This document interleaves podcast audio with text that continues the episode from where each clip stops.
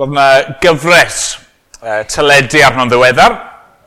Mae'n siŵr bod mwyafrif ohono ni wedi clywed amdano fe, neu wedi gweld ysbysebion amdano fe. Falle bod e, ambell un ohono ni hyd yn oed wedi bod yn ei wylio fe, ond falle byddai gormod o gywilydd dych chi gyfadde. E, uh, enw'r rhaglen oedd The Masked Singer. Ac uh, Os nag o'ch chi wedi clywed am y peth o gwbl, beth oedd yn digwydd yn y raglen yma uh, oedd bydde dych chi rhyw fath o celebs, rhyw fath o enwogion, Ac uh, bydden nhw'n gwisgo lan, roi rhyw wisg mawr, ffansi, masg, uh, enfawr arno i guddio pwy o'n nhw. A wedyn bydde, bydde yna rhywfaint o cliwiau'n cael ei roi a bydde'r person yn canu yn perfformio a bydd y pobl yn trio dyfalu pwy un o pwy sy'n tu ôl i'r mwgwd. Ac wrth gwrs, yn yw, just ailhasio hen syniadau mae'r raglenni yma yn aml yn gwneud. A ni wedi gweld raglenni fel hyn o'r blaen yn dyn ni pethau fel through the keyhole. Chymod, mynd mewn i di rhywun ac edrych ar y cliwiau fyna. Pwy un o pwy yw'r mystery guest? A, a ni'n hoffi hynny. Um, mae yna ddigon o gemau yn does fel o'n i'n chwarae efo'r plant. Guess who? Trio dyfalu pwy yw'r person dirgel yma. A dyna sydd yn ni mewn ffordd yn Ezeia 52 a 53. Mae Ezeia fan hyn yn, yn rhoi cliwiau i ni. Cliwiau sydd i'n helpu ni i adnabod person. A mae yna rhyw ddirgelwch yma'n does. Mae Ezeia hun yn dweud ar ddechrau penod 53, pwy a gredau yr hyn a glwson? I bwy datgyddiwyd braich yr arglwydd. Mae yna rhyw ddirgelwch fan hyn, rhyw mystery. Pwy, pwy yw e? Pwy yw'r person yma sy'n cael ei alw'n was yr arglwydd? Yr un yma sy'n mynd i lwyddo a'i cael ei godi a'i ddyrchafu yn uchel iawn. Pwy yw e? Eh, os chi'n darllen llyfr Isaiah, mae yna dipyn o sôn am y gwas yma, a mae'n ddirgelwch. Weithiau chi'n teimlo, wel, Israel, cenedl Israel, pobl ddew yw gwas yr arglwydd. Wedyn weithiau chi'n dod i adrannau fel hyn a, ac chi'n meddwl, wel na, dyw hwnna ddim yn ffitio, na, mae'n rhaid mae ma person unigolyn yw, ond on pwy? 800 mlynedd ar ôl i Ezeia sgrifennu'r geiriau yma, oedd pobl dal i ofyn y cwestiwn yn dod nhw. A ni'n darllen am un person yn llyfr yr actor dyn o Ethiopia. A mae'n darllen yr adran yma ac mae'n gofyn y cwestiwn, dywed i mi, am bwy mae'r proffwyd yn dweud hyn? Ai amdano ei hun, ai am rhywun arall, dwi, e, dwi e ddim yn gwybod pwy yw e. Na'r cwestiwn ni'n mynd i holi bore yma, pwy yw e? A ni'n mynd i edrych ar y cliwiau. A meddwl, pwy, pwy yw hwn? Pwy sy'n ffitio'r disgrifiad yma? Ac ar ben y cliwiau, ni hefyd yn mynd i glywed i laisa. Wrthyn ni ddarllen gair yr arglwydd, ni'n mynd i glywed llais gwas ar arglwydd. A fe eisiau chi i rando am hynny. grando am llais yr arglwydd ei hun yn siarad â ni. Felly, pwy yw e? Beth yw'r cliwiau sydd gyda ni'n helpu ni? Wel, y peth cyntaf amlwg yw mae ei fywydau e yn llawn dioddefaint. Yna'r cliw cyntaf, siwr i adnabod gwas yr arglwydd, yr un yma sy'n dod i, i waredu ac i gynnig iachawdwriaeth, i achub. Mae fywydau e yn llawn dioddefaint. Mae'n dioddef. Dro ar ôl tro, dyna sy'n cael ei bwysleisio fan hyn amdano fe fod i, i fywyd e a'i brofiadau nhw y, y, y, y misg yr mwyaf erchill gallwch chi ddychmygu. Diwedd penol 52.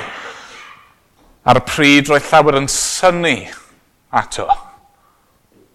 Roedd ei wedd yn rhy hagyr i ddyn a'i bryd yn hyllach na neb dynol. Phobloedd lawer yn troi ffwrdd rhag ei weld. A brenhinoedd yn fyd o'i blegyd. Chyma, dyma berson sydd uh, ddim be byddwch chi'n ei ddisgwyl. Uh, dyma berson, uh, dwi e ddim yn, yn rhyw seleb uh, ar pedestal mewn palas, na, mae'n mae un sy'n cael ei wrthod, mae, mae pobl uh, methu edrych arno fe, dyw pobl brenhinoedd ddim yn gallu siarad achos mae, mae beth maen nhw'n ei weld mor, mor achafu, yr, yr, yr dioddefaint yma. Adnod 2 o Fenno 53, nid oedd na ffryd na thegwch iddo, na harddwch i'w hoffi wrth i ni ei weld. Roedd wedi ei ddirmygu a'i wrthod gan eraill. Yn ŵr clwyfedig, cyfarwydd a dolyr. Roedd e'n fel pen cuddion hwynebau o i wrtho, yn ei ddirmygu, ac yn ei anwybyddu. A gallwn ni fynd mlaen wrth gwrs gweddill y benod, mae'r holl geiriau yma'n dyn nhw'n cael eu pentyru dolyr gweiledd. Mae'n cael ei glwyfo i ddarostwng, ei archolli, ei ddryllio, ei gleisio, ei orthrymu. Mae'n mynd i'r lladdfa, mae'n cael ei dorri o dir y rai byw. Mae fel tas y geiriau ddim yn ddigon i ddisgrifio y dioddau. Does yna neb wedi dioddau cymaint a hwn. Does yna neb wedi dioddau i'r graddau yma. Pwy yw gwas yr arglwydd? Wel, mae'n un sydd yn dioddau i'r eithaf. Nid dim ond dioddau yn gorfforol ac yn emosiynol er mor ofnadwy yw hynny, ond mae'r person cyfan yn dioddau. Mae'n dioddau yn ysbrydol, yn dydy mae'n cael ei, ei daro gan ddew. Mae'n cael ei dorri ffwrdd oddi wrth yr arglwydd ei hun. Mae gwas yr arglwydd, yr un y Dyw wedi ddewis ac yn ei anfon ac yn ei ddefnyddio, mae e yn cael ei wrthod a'i daro gan, gan ddew.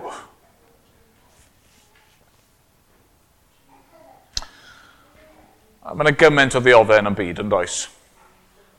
Ni'n gweld y darluniau yn gyson yn dyn ni, ffoaduried, pobl sydd wedi cael ei effeithio gan rhyfel a newyn a gorthrwm. Ac gobeithio, pan ni'n gweld y pethau hynny, mae'n rhywbeth yn cynhyrfu yno ni. Mae'n calo ni yn torri dros y bobl yma. Ac eto i ni, i ni ddim yn gallu deall i profiad nhw. Ond mae'r person yma yn deall. Pwy yw gwas yr arglwydd? Wel, fe yw'r un sydd yn gallu cyd ymdeimlo'n llwyr gyda'r rhain ei sydd yn dioddau. Falle bore yma bod dim rhaid i chi edrych ar y newyddion. Falle bod chi eich hunan yn gwybod beth yw hi i ddioddau. Chi'n brifo, efallai. A chi wedi bod trwy rhyw brofiadau anodd yn ddiweddar neu yn y gorffennol. A pethau falle dys neb arall neu pryn neb arall yn gwybod amdano nhw. A chi'n teimlo y bore yma fel bod chi ar ben eich hunan. A bod yna neb yna. Neb yn deall.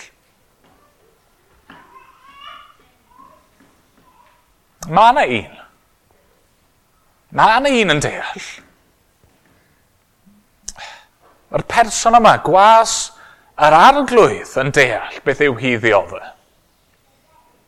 Mae'n gallu cydymdeimlo ar rheini sydd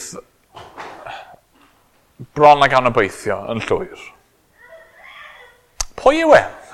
Pwy yw e? Wel, beth arall ni'n gallu dweud amdano fe?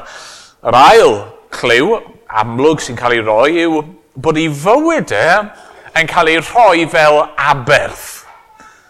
Mae fywyd yn cael ei roi fel aberth. Mae'r mae, dioddefaint yn amlwg. Ond beth sy'n un mor amlwg yw bod e'n diodde uh, nid fel pawb arall. A ni'n mynd diodde'n waith na pawb arall, ac eto mae dioddefaint yn wahanol i bawb arall hefyd, achos mae e'n yn diodde yn aberthol. Mae'n amlwg fod e ddim yn heiddi uh, dioddau. A mae pob peth i ni'n ei ddioddau yn y byd yma yn ganlyniad naillai o'r cwymp ac o bechod greiddiol ac effeithiau pechod yn y byd, neu ar adegau i ni'n dioddau oherwydd ein pechod yn hun a'r, ar mes i ni'n gwneud o'n bywydau, ond ddim hwn. Ddim gwas yr arglwydd. Mae e'n diofe, ond mae'n diofe mewn ffordd dirprwyol. Mae'n substitute. Mae'n diodde yn ein lle ni. Adnod pedwar. Eto, ein dolir ni a gymerodd. A'n gweiledd ni a fygodd. A nenna'n ei gyfrif wedi ei glwyfo a'i daro gan ddiw a'i ddarostwng, ond ar chollwyd ef am ein troseddau ni. A'i ddryllio am ein canweddau ni. Roedd pris ein heddwch ni arno ef, a thrwy ei gleisiau ef, cawsom ni a. Rydym ni i gyd wedi crwydro fel defaid Pob un yn troi i'w ffordd ei hun a roes yr arglwydd arno ef ein beiau ni i gyd. Wedyn adnod nawr, rhoddwyd iddo fedd gyda'r rhai drygionus a beddrod gyda'r troseddwyr er na wnaethau niwed i neb. Ac nad oedd twyll yn ei enau yr arglwydd a fynnau ei ddryllio a gwneud iddo ddioddau pan rydd ei fywyd yn aberth dros bechod.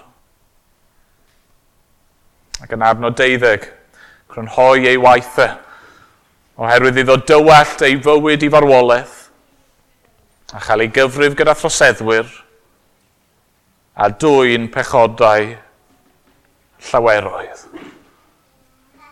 Mae'r person yma, pwy bynnag yw e, yn gwneud rhywbeth rhyfeddol yn dydy.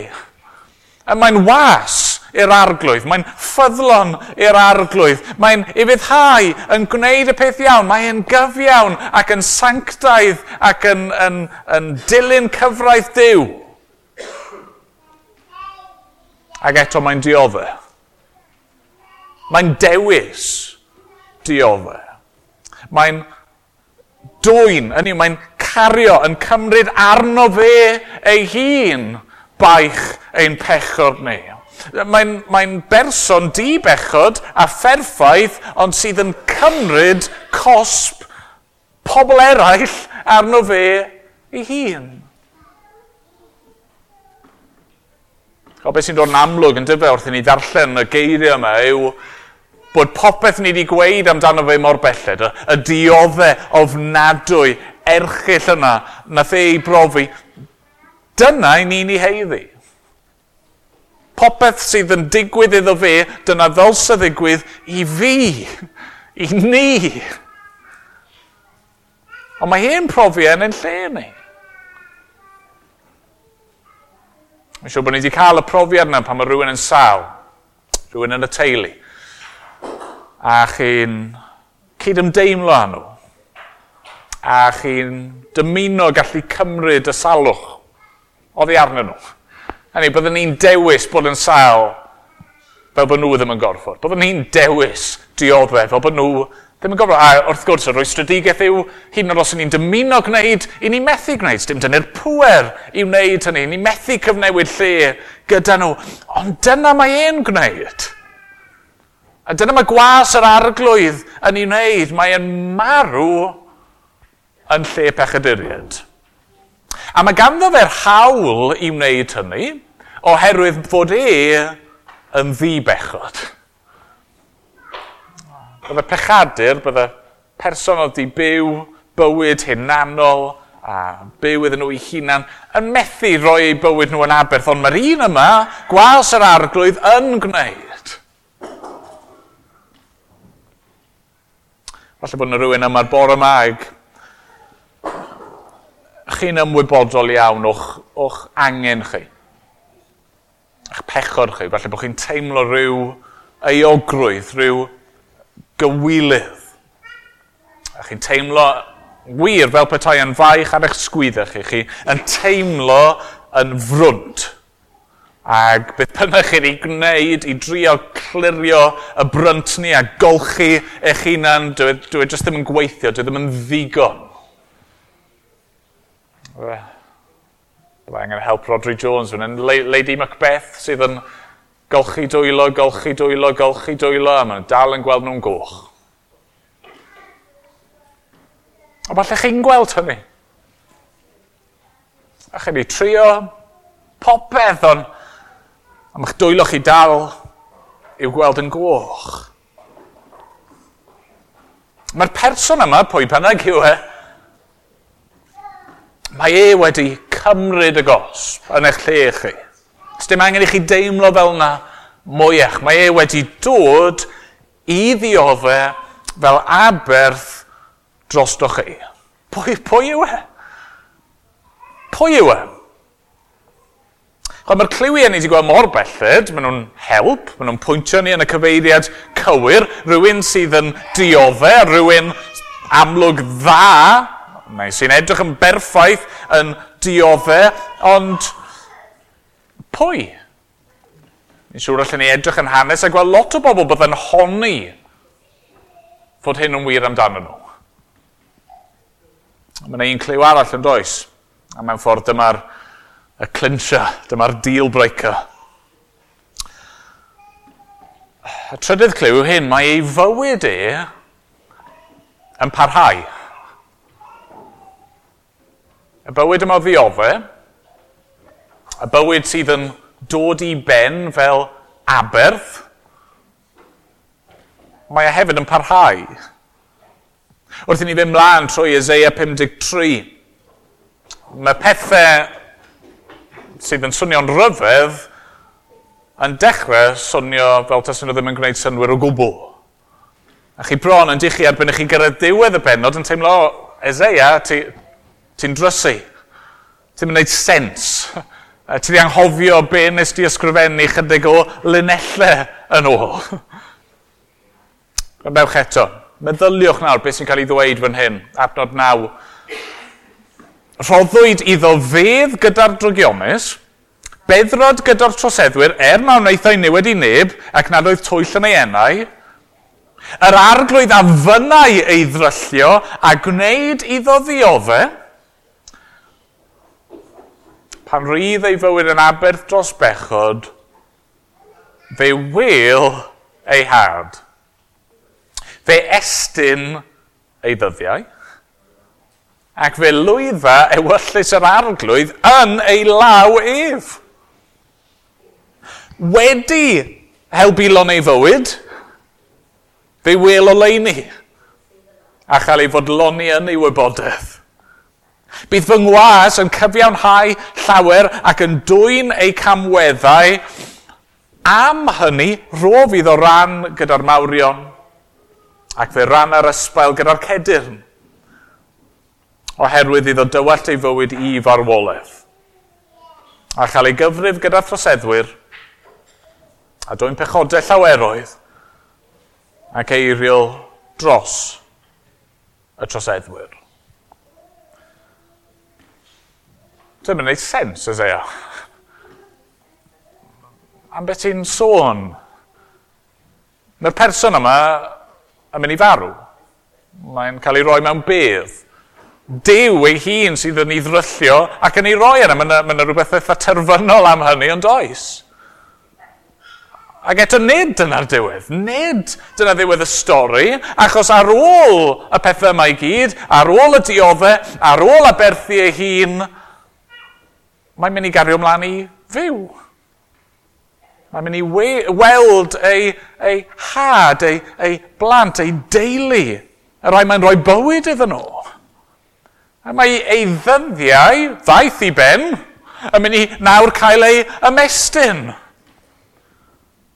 Mae Dyw, nath ei daro fe, nawr yn mynd i lwyddo ei waith e trwyddo fe. Mae e nath gael ei gau mewn bedd tywyll yn mynd i weld goleini. Mae'n mynd i gael rhan gyda'r mawrion, rhan i'r ysbail gyda'r cedyn, yr un nath roi popeth yn nawr yn mynd i fod yn frenin dros y cwbl. Sut? Sut gall hyn fod? Pa un yw e? Gwnaed y feddwl di lan Ezeia, mae lle mae'n marw ac yn diodde, neu mae'n byw ac yn llwyddo. Pa un? A wrth gwrs yr ateb yw y ddau. Mae yna ddirgelwch fan hyn. Ni ddim yn siŵr faint a beth oedd Ezea ei hun yn deall, ond am beth sy'n amlwg yw fod yr un yma sydd yn diodde yn mynd i fyw. Fod yr un sy'n mynd i farw yn mynd i atgyfodi. Fod e yn mynd i goncro marwolaeth. Falle bod yna rhywun yma'r bore yma, chi'n chi ofnus. Uh, Chi'n pryderu am y dyfodol. Chi'n troi'r newyddion mlaen am yr pethau chi'n clywed yn eich cynhyrfu chi a chi'n methu stopio meddwl amdano nhw. Falle bod chi uh, di diflasu. Chi di siomi gyda eich bywyd chi. Siwr mae pethau wedi troi allan, o chi ddim yn meddwl mae fel hyn oedd pethau mynd i fod. peidiwch chwerwi. Sdim eisiau ni ddigaloni, sdim eisiau ni fynd yn hunan dosturiol a codi dwrn ar yr arglwydd. Mae, mae e, mae e'n gallu newid yn sefyllfa ni, mae'n gallu troi yn sefyllfa ni er daioni, ond y pwynt fan hyn yw beth bynnag a ddaw, beth bynnag i ni'n gorfod i ddioddau, beth bynnag i ni'n gorfod i fynd trwyddo fe, mae gwas yr arglwydd yn fyw a mae e wedi mynd trwy marwolaeth i fywyd er ein mwyn ni. Ac mae e wedi llwyddo ac wedi gwneud hyn i gyd er mwyn cynnig bywyd trygwyddol i ni. Nawr bydd fy ngwas yn llwyddo. Fei codir, a'i ddyrchafu, a bydd yn uchel iawn a byddwn ni gyda fe. Pwy yw e? A chi'n gwybod yn di chi? Sdim rhaid i fi ddweud. Chi'n gwybod pwy yw'r brenin? Mab Dyw? Y croesoeliedig un? Os dim angen i chi fod yn hanesydd i wybod fod yr cliwiau yma i gyd dim ond yn pwyntio at un person. Dim ond un person sydd wedi dioddau fel hyn. Dim ond un person sydd wedi byw bywyd perffaith a wedi roi ei fywyd yn aberth. Dim ond un person sydd wedi codi uh, mewn buddigoliaeth dros farwolaeth oherwydd bod marwolaeth methu dal gafel ynddo fe. Chi'n gwybod lle mae'r cliwiau'n pwyntio? Ydych chi'n clywed i lais e? Bore yma? Ydych chi'n clywed i lais e? Trwy gair yr arglwydd? Ydych chi'n clywed e'n galw arnoch chi? Galw arnoch chi i ddod, galw arnoch chi i ddychwelyd, galw arnoch chi i i droi o'ch pechod a troi ato fe, galw arnoch chi i roi farwolaeth y, y pechod yna sydd yn eich maglu chi a byw ar ei fwynau. Galw arnoch chi i adael eich, eich eogrwydd a'ch ofnau a e, e, eich chwerwder ac unrhyw beth arall tu ôl a'i ddilyn e. Peidiwch anwybyddu'r llais yna. Dewch at yr un yma sydd yn gallu cydymdeimlo. Dewch at yr un sydd wedi ennill maddeiant i chi. Dewch at yr un sydd yn fyw yn awr a sydd yn cynnig bywyd i'r rhai sy'n credu yn fe. Dewch at Iesu. Amen.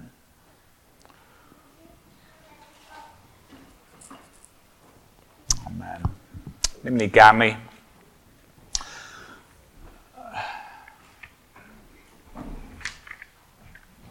Rwyf 47 yn yr atodiad.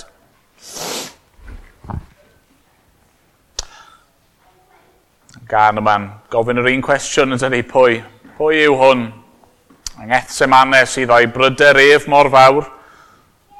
Tris tyd angau yw ei enais, pam y daeth ef i'r fath awr? Dyma Iesu. Mae am orffen gwaith ei dad.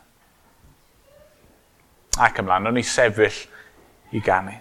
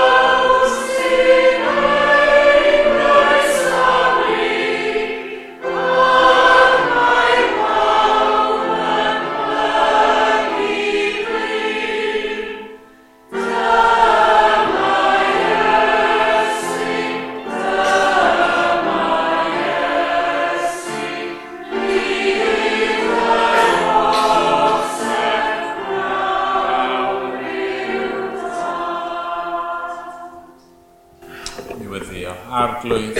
O, oh, diolch. Diolch am Iesu Grist. Diolch bod gwas yr arglwydd wedi dod er ein mwyn ni, fod ddim angen i ni ddyfalu pwy oedd Eseia'n siarad amdano bod ni'n cael ei adnabod e. O, diolch am hyn. Ac argwyddgad i'r hyn i ni wedi glywed yn dy air di nawr fod yn gysur i ni. A neu di barhau i siarad am webeth i di. Derbyn i nawr yn ddiolchgar. Yn enw Iesu. Amen.